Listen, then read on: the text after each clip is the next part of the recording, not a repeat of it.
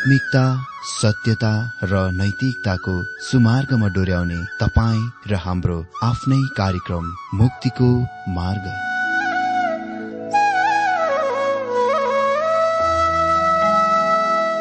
आदरणीय श्रोता यस मुक्तिको मार्ग कार्यक्रममा हार्दिक स्वागत छ। आशा छ यस आत्मिक कार्यक्रमद्वारा जीवनमा आत्मिक आशिष अलौकिक शान्ति र आनन्द प्राप्त गर्नुहुनेछ। र जीवनमा धन्य अनुभव गर्नुहुनेछ। आउनुहोस् श्रोता मन र आत्माको तयारीको लागि यो मिठो अनि मधुर भजन गीत सुनौ।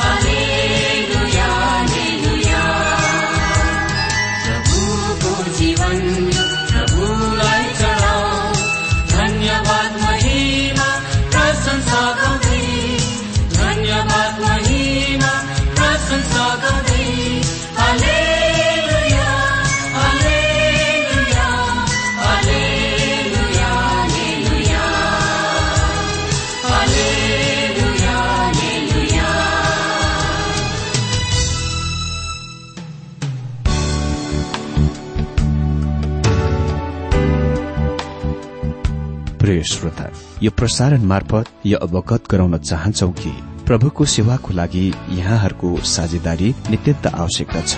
यहाँहरूले प्रार्थनाको साथसाथै आर्थिक सहायता गर्न अनुरोध गर्दछौ। तपाईँहरूको सानो भन्दा सानो भेटी किन नहोस्? हामी प्रभुको नाममा स्वीकार गर्नेछौ प्रभुको सेवाको लागि। तपाईँहरूको यो सानो लगानीले कसैको जीवनमा भिन्नता ल्याउँछ अनि प्रभुको महिमा हुन्छ। प्रभु तपाईँहरूलाई महान गरी आशिष दिनुहुनेछ। इच्छुक श्रोताहरूले तपाईँको इच्छा भेटी हाम्रो ठेगानामा पठाउन सक्नुहुन्छ जुन ठेगाना हामी कार्यक्रमको अन्तमा दिनेछौं। प्रिय श्रोता मित्र प्रभु येशु ख्रिष्टको मधुर अनि सामर्थ्य नाममा मेरो जय मसी तथा हार्दिक स्वागत छ। आजको यो बाइबल अध्ययन कार्यक्रममा श्रोता आज हामी बाइबल अध्ययन मिका तीन अध्यायबाट आरम्भ गर्न गइरहेका छौं। यहाँ हामी देख्छौ भविष्यवक्ता मिकाको तेस्रो सन्देश। मिकाले इसरायलका अगुवाहरूलाई तिनीहरूका पापको लागि निन्दा गर्दछन्। सर्वप्रथममा राजनैतिक शासकहरूलाई र दोस्रो आत्मिक अगुवा भविष्य वक्ताहरूलाई निन्दा गर्दछन् जो आत्मिक अगुवाहरू थिए। र अन्तिममा यरुसलेमका सम्पूर्ण अगुवाहरूलाई निन्दा गर्दछन् जसमा शासकहरू भविष्य वक्ताहरू र पुजारीहरू पर्दथे। त आज हामी मिका तीन अध्याय एकदेखि पाँच पदबाट बाइबल अध्ययन गर्नेछौ। र सर्वप्रथममा हामी देख्नेछौ शासकहरूका पाप। यो खण्ड सुन्नलाई बोलावट वा निमन्त्रणसँग आरम्भ हुन्छ जस्तो कि मिकाको प्रत्येक मुख्य विभाजन खण्डमा देख्छौ। मिका तीन अध्ययको एक पदमा लेखिएको छ अनि मैले भने हे याकुबका अगुवाहरू हे इसरायलीका घरानाका शासक हो ध्यानसित सुन। के तिमीहरूले न्याय जान्नुपर्ने होइन र हे याकुबका घरानाका प्रधान हो। उसले राष्ट्रको नेतृत्व शासक पद अगुवा पदसँग कुरा गरिरहेका छन्। के न्याय जान्नु तिमीहरूको काम होइन? हजुर यस कथनको उसको मतलब के हो त? उसले इसरायलका शासकहरूलाई सम्बोधन गरिरहेका छन् जो न्यायकर्ता र न्यायाधिकारहरू थिए। जब कुनै मानिस अपराधको दोषी पाइन्दथे तिनीहरूलाई इन्साफको लागि यी मानिसहरूका सामुने ल्याइन्दथे। अहिले तिनीहरूले निश्चय नै न्याय र इन्साफको जान्नै पर्दछ। र यो उही विचारको नयाँ नियममा व्यक्त गरिएको छ रोमी दुई अध्यायको एक पदमा। हे न्याय गर्ने मानिस तिमी जोसुकै भए तापनि तिम्रो कुनै बहाना छैन। किनभने जुन कुरामा तिमी अरूको न्याय गर्दछौ ती कुरामा तिमीले आफैलाई दोषी ठहराउँदछौ किनभने तिमी न्याय गर्ने आफैले ती कुराहरू गर्दछौ। यहाँ उल्लेखित ती कुराहरूको मतलब एकै नासे समान होइन तर मिल्दोजुल्दो कुरो हो। यसको उदाहरण दुई समूहल बाह्र अध्यायमा पाइन्दछ नातन भविष्य वक्ता दाउद राजाको सामने आए र उसको राज्यमा धनी मानिसको बारेमा भने जससँग अति नै ठूलो संख्यामा भेडा बाख्राको बगाल थियो। तर जब उसलाई आफ्नो पहुनालाई दिन मासुको आवश्यक पर्यो आफ्नै बगालबाट एउटा भेडा लिनको सट्टामा उसले गरिब मानिसको सानो भेडीलाई लियो पाठीलाई लियो र आफ्नो पहुनाको लागि यसको पकाएर दिए। जब दाउदले यो कुरा सुने उनी अत्याधिक रूपमा रिसाए क्रोधित भए र तुरुन्तै त्यस मानिसमाथि दण्डको घोषणा गरे जसले त्यस्तो निज काम गरेथे। उसले त्यसको निम्ति उचित इन्साफ न्यायको देख्न सके। तैपनि दाउद स्वयंले उस्तै मिल्दोजुल्दो काम गरे। अनि नातनले दाउदलाई भने दोस्रो समूहल बाह्र दिएको सात पदमा त्यो मानिस तपाईँ नै हुनुहुन्छ। दाउदले इन्साफ दण्डको स्वीकार गरे ग्रहण गरे र आफ्नो दोषको परमेश्वरको सामुने प्रस्ताव गरे। मित्र यो अद्भुत आश्चर्यजनक कुरा हो। कि हामी अरू मानिसहरूको पापहरू चाहिँ देख्छौ र हाम्रा आफ्नै चाहिँ नजरअन्दाज गर्दछौ उपेक्षा गर्दछौ व्यवस्था गर्दछौ देख्दैनौ। यही नै कारण परमेश्वरले इसरायलमा यी अगुवाहरूलाई भन्नुहुन्छ तिमीहरूले अरूहरूलाई तिनीहरूका कुकर्महरूको लागि इन्साफ न्याय गर्दछौ तर तिमीहरू पनि उही कुराहरू गरिरहेका छौ। यी अभियोगहरू निश्चय नै हाम्रा दिनहरूमा पनि लागू हुन्छ लेखिएको छ एक पदमा अनि मैले भने हे याकुबका अगुवाहरू हे इसरायलीका घरानाका शासक हो ध्यानसित सुन। के तिमीहरूले न्याय जान्नुपर्ने होइन र? दुई र तीन पदमा लेखिएको छ तिमीहरू जसले भाइलाई घृणा गर्छौ र खराबी रुचाउँछौ तिमीहरू जसले मेरो प्रजाको छाला काट्दछौ र तिनीहरूका हाडदेखि मासु निकाल्दछौ।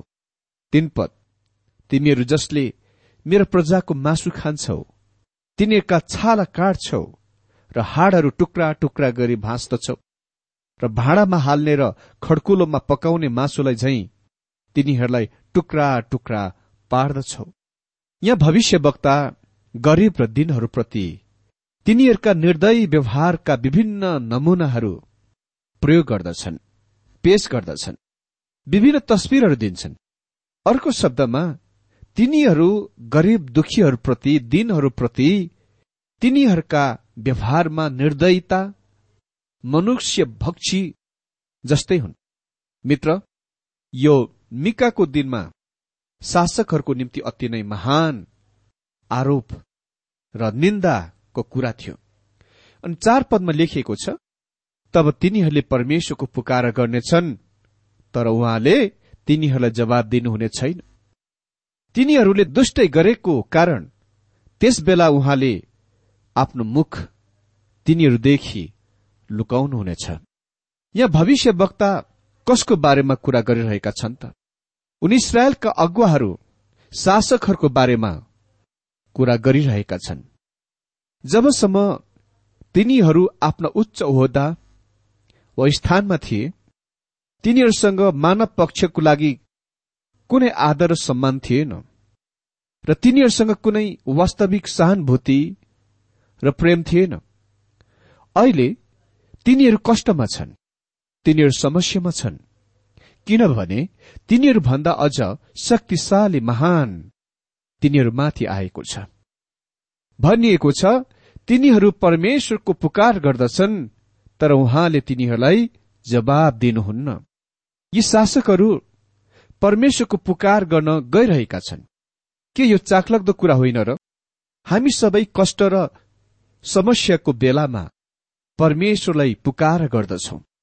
अनि म यस कुरामा कहिले कहीँ छक्कै पर्दछु जब हामी दुःख कष्टमा र समस्यामा पर्दछौ अनि छुटकाराको समाधानको कुनै बाटो देख्दैनौ तब हामी तुरुन्तै परमेश्वरतिर पुकार गर्दछौ। हामी पुकार गर्दछौ कि प्रभु हामीलाई अनुग्रह गर्नुहोस् भनेर। हामीलाई मदत गर्नुहोस्। हामीलाई छुटकारा दिनुहोस्। तर जब हामी आनन्द कुशलतामा शान्तिमा हुन्छौ सबै कुरा सही तरिकामा चलिरहेको हुन्छ हामी उहाँलाई कहिले पनि याद गर्दैनौ। हामी उहाँलाई एकदमै भुल्छौ र आफ्नै इच्छामा र पापमा जीवन बिताइरहेका हुन्छौ। उहाँको विरुद्ध बाघी भएर। मित्र मलाई थाहा छैन। उहाँले तपाईँको प्रार्थना सुन्नुहुनेछ? या सुन्नुहुने छैन? किनभने मिकाको दिनमा उहाँले ती मानिसहरूलाई यसो भन्नुभयो जसले उहाँलाई उपेक्षा व्यवस्था गरे र ईश्वरहीन जीवन जीरहेका थिए जसले गर्दा सहायताको लागि तिनीहरूका पुकारको सुन्नु भएन। बरु वास्तवमा उहाँले भन्नुभयो उहाँले आफ्नो मुख तिनीहरूदेखि लुकाउनु हुनेछ मेरो मित्र हामी परमेश्वरको मौनताको अवधिमा रहिरहेका छौं। यो यस्तो देखाइ पर्दैन कि परमेश्वर वर्तमान विश्व परिस्थितिको शान्त गर्न समाधान गर्न त्यति धेरै काम गरिरहनु भएको छ। अह त्यस्तो देखिँदैन। तैपनि उहाँको अनुग्रह अझै पर्याप्त छ। र उहाँ ती मानिसहरूको निम्ति कृपामा धनी हुनुहुन्छ जो उहाँको सामने झुक्दछन् र उहाँका पुत्र येशु ख्रिष्टलाई उद्धारकर्ताको रूपमा ग्रहण गर्दछन्। मित्र हामीले शासकहरूको पापहरूको देख्यौं। त्यसपछि अहिले हामी भविष्य वक्ताहरूको पापहरूको देख्छौं। मिका तीन अध्ययको पाँच पदमा लेखिएको छ परमप्रभु यसो भन्नुहुन्छ मेरो प्रजालाई कुमार्गमा हिँड्न लाउने अगमवक्ताहरू चाहिँ कसैले तिनीहरूलाई खान दिँदा तिनीहरू शान्तिको घोषणा गर्दछन्। यदि त्यसले खाना दिएन भने त्यसको विरूद्धमा लडाई गर्न तिनीहरू तयार गर्छन्। झुट्टा भविष्य वक्ताहरू अति नै विषालु दाँत भएका पशु वा साँपहरू सर्पहरू जस्तै थिए। वास्तवमा भन्नु नै पर्दा तिनीहरू त्योभन्दा खतरनाक र खराब घटिया थिए किनभने तिनीहरूले मानिसहरूलाई सान्त्वना दिन नरम मजाको घिउ दलेका वचनहरूको प्रयोग गर्थे। यो तिनीहरूलाई निश्चय नै निश्चय दिँदै कि शान्ति आइरहेको थियो। शान्ति प्राप्त गर्न मानिसहरूका व्यर्थका प्रयत्नले हामीलाई यस तथ्यमा होसियार गराउनु पर्छ कि मानिस आफ्नै समझ र ज्ञान र बुद्धिद्वारा र आफ्नै प्रयत्नद्वारा शान्ति ल्याउन सक्दैन। खालि यसको चाहना गर्ने कामले र यो शान्ति आइरहेको छ भनी काफी धेरै कुरा गरेर अनि यसको लागि भोट दिएर शान्ति ल्याउने छैन। फेरि मिकाले यो स्पष्ट पार्दछन् कि यो बाहिर समस्या होइन। यो यस्तो कुरा होइन कि मानिसहरू शान्ति चाहँदैनन्। समस्या यो हो कि मानव हृदय दुष्ट छ। अनि यसैया अगमवक्ता मिकाको समकालिक थिए र उसले यसैया सन्ताउनको एक्काइस पदमा लेखे दुष्टलाई शान्ति हुँदैन भनी परमप्रभु भन्नुहुन्छ। वास्तवमा यसैयाले यो तथ्यलाई आफ्नो भविष्यवाणीको अन्तिम भागमा तीनपल्ट दोहोऱ्याएका छन्। अनि यो तीनपल्ट प्रत्येकमा उनी आएका महान चरम सीमा यो थियो कि वास्तविक समस्या मानव हृदयको दुष्टता थियो। जब म यस्तो कथन बनाउँछु कि हामी हाम्रा दिनमा शान्ति पाउन सक्दैनौ म सामान्य गरी एक दुईवटा त्यस्ता पत्रहरू आशावादी मानिसहरूबाट पाउँछु। तिनीहरूले मलाई सुन्दर त्यस्ता पत्रहरू लेख्छन् जुनले निराशवादी हुने कुराको लागि मलाई चिडाउँछन् गाली गर्छन्। तिनीहरू यस कुरामा जोड़ दिन्छन् कि हामीले निरन्तर संसारमा शान्ति ल्याउन कोसिस गरिरहनुपर्छ। तिनीहरू इमान्दारी छन् र तिनीहरूका तर्क असल छ। कमसे कम सुन्नमा त तर यो आज पूरा दुनियाँमा एक झुट शिक्षा हो कि मानिसले आफ्नै तरिकामा आफ्नै प्रयत्नमा कोसिसमा शान्ति बनाउन सक्छ शान्ति ल्याउन सक्छ। यो झुट्टा शिक्षा हो। हा मित्र म अति धेरै शान्ति चाहन्छु। जति अरू मानिसहरू चाहन्छन्। तर म यसको लागि परमेश्वरको तरिकामा जान चाहन्छु। सर्वप्रथममा प्रत्येक व्यक्तिहरूले जान्नुपर्छ कि परमेश्वरको शान्ति के हो। कसरी तिनीहरू यसको थाहा पाउनेछन् त? रोमी पाँच अध्ययको एक पदमा लेखिएको छ यसकारण विश्वासद्वारा धर्मी ठरिएका हुनाले हाम्रा प्रभु येशु ख्रिस्टद्वारा परमेश्वरसँग मेलमिलाप शान्ति भएको छ। तपाईँ अन्य मानिसहरूसँग मेलमिलाप वा शान्ति राख्न सम्भव छैन जबसम्म तपाईँको परमेश्वरसँग मेलमिलाप वा शान्ति छैन। मानव हृदयलाई विश्वास गर्न सकिँदैन। यो अति नै धेरै दुष्ट छ। यर्मिया सत्रको नौ पदमा लेखिएको छ मानव हृदयलाई विश्वास गर्न सकिँदैन। यो अति नै धेरै दुष्ट छ। तपाईँ र म जान्दैनौ कि हामी वास्तवमा कति धेरै खराब छौं। हामी पृथ्वीमा हुने कुनै प्राणीहरूभन्दा निच घटिया स्तरमा डुब्न सक्छौ गिर्न सक्छौ। यसको मानव पशुबाट विकसित भएर आएको होइन वा पशुबाट उत्पन्न भएर आएको होइन भन्ने एक प्रमाण यो हो कि पशुहरूभन्दा अझ निच स्तरमा मानिस डुब्न सक्छ। पशुहरू बाहिर गएर मध्य पिएर मातिँदैनन् वा आफ्ना साथीहरूलाई वा आफ्ना सन्तानहरूलाई दुरूपयोग नै गर्छन्। अनावश्यक रूपमा। मित्र मानव जाति आफ्नो संसारमा तिनीहरूले शान्ति ल्याउन सक्नुभन्दा पहिले परमेश्वरको शान्ति पाउनै पर्छ। परमेश्वरको शान्ति हुनै पर्छ। मिकाको दिनमा झुट्टा भविष्य भक्तहरूले शान्तिको बारेमा भविष्यवाणी गरिरहेका थिए। जबकि उत्तरमा असुरीहरू तिनीहरूमाथि चढ़ाई गर्न र आक्रमण गर्न तयारी भइरहेका थिए। अनि हाम्रा दिनहरूमा विश्वका विभिन्न देशहरूमा मानिसहरू शान्तिको टेबलमा बसेर युद्धमा नगइकन आफ्ना मन मुटाव आफ्ना विवादहरू समाधान गर्न कोसिस गरिरहेका छन्। तर पनि करिब छ हजार वर्षदेखिको यो रेकर्ड गरिएको इतिहासमा हामी देख्छौ मानिसहरूले युद्ध लडाई गरे। र अझै लडाई र युद्ध गर्छन्। एक राष्ट्र अर्को राष्ट्रको विरूद्ध एक कुल अर्को कुलको विरूद्ध एक परिवार अर्को परिवारको विरूद्ध र एक व्यक्ति विशेष अर्को व्यक्ति विशेषको विरूद्ध। हामी यो किन गर्दछौ? हामी जान्दछौ कि यसले कसैलाई पनि कुनै पनि पक्षलाई फाइदा गर्दैन। तर हामी यो गर्दछौ किनभने हामी परमेश्वरबाट अलग भएर भौतारी गएका छौं र उहाँको विरूद्ध विद्रोहमा छौं। हाम्रो हृदय अति नै दुष्ट छ। पापले मानव हृदयलाई दूषित गरेको छ। हामी खास समस्याको सामना गर्दैनौ तर हामी झुट्टा भविष्य वक्ताका मिठा घिउ दलेका मखन लगाएका वचनहरू सुन्छौ जसले शान्तिको भविष्यवाणी गर्दछन्। तिनीहरूले यस्ता प्रकारका झुट्टा भविष्यवाणी गरेकोले गर्दा परमेश्वरले तिनीहरूमाथि संकष्टहरूको घोषणा गर्नुहुन्छ। मित्र अर्को दिनमा हामी यस विषयलाई निरन्तर जारी राख्नेछौ। परमेश्वरले आफ्नो वचन अध्ययनमा हरेकलाई धेरै धेरै आशिष दिनुभएको होस्।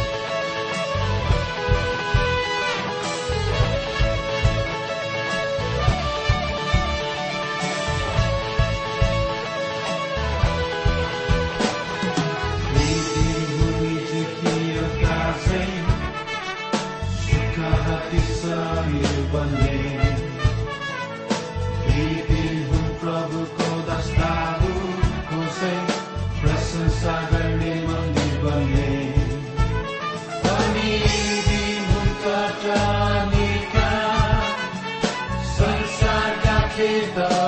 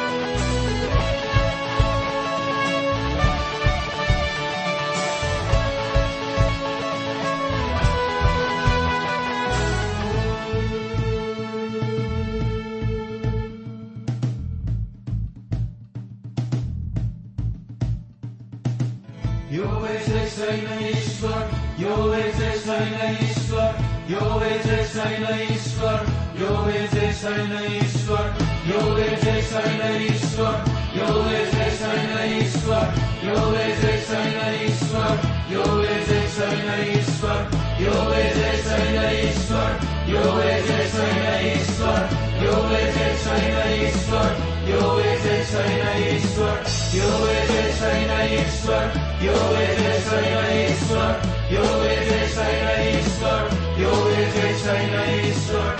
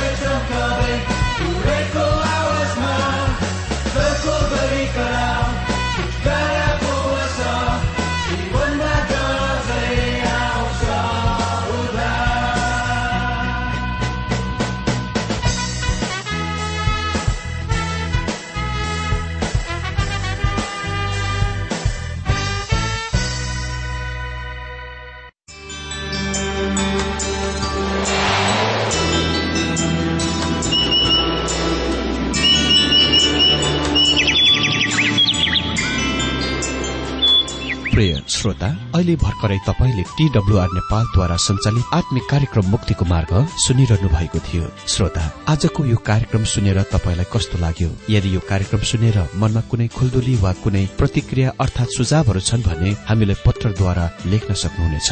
हामी हृदयदेखि नै स्वागत गर्नेछौ स्वीकार गर्नेछौ साथै बाइबल सम्बन्धित प्रचारहरू कार्यक्रम सारणीहरू हामी अनुरोधमा पठाउन सक्छौ। अनि तपाईँसँग कुनै प्रार्थनाको विषय छन् भने हामीले तपाईँको लागि प्रार्थना गरेको चाहनुहुन्छ भने प्रभुमा आफ्नै परिवार सम्झेर हामीलाई पत्रमा लेख्न सक्नुहुनेछ। तपाईँको लागि हामी प्रभु येशुसँग प्रार्थना गर्नेछौ। अधिक जानकारी र पत्रचारको लागि हाम्रो ठेगाना यस प्रकार छ। कार्यक्रम मुक्तिको मार्ग जीपीओ नम्बर उनानब्बे पचहत्तर इपिसी पच्चिस एकसठी काठमाडौँ। ठेगाना एकपल्ट सुन्नुहोला। कार्यक्रम मुक्तिको मार्ग। जीपीओ नम्बर उनानब्बे पचहत्तर इपिसी पच्चिस एकसठी काठमाडौँ। हाम्रो इमेल एड्रेस हो TWR Nepal at Yahoo dot com साथै यस नम्बरमा एसएमएस गर्न सक्नुहुनेछ। अन्ठानब्बे चार सत्तरी पैतिस छ सय उनासी नौ आठ चार सात जिरो तीन पाँच छ सात नौ। हुन्छ श्रोता आजलाई हामी विदा चाहन्छौ। अर्को कार्यक्रममा हामी पुनः भेट्नेछौ। तबसम्मलाई नमस्कार।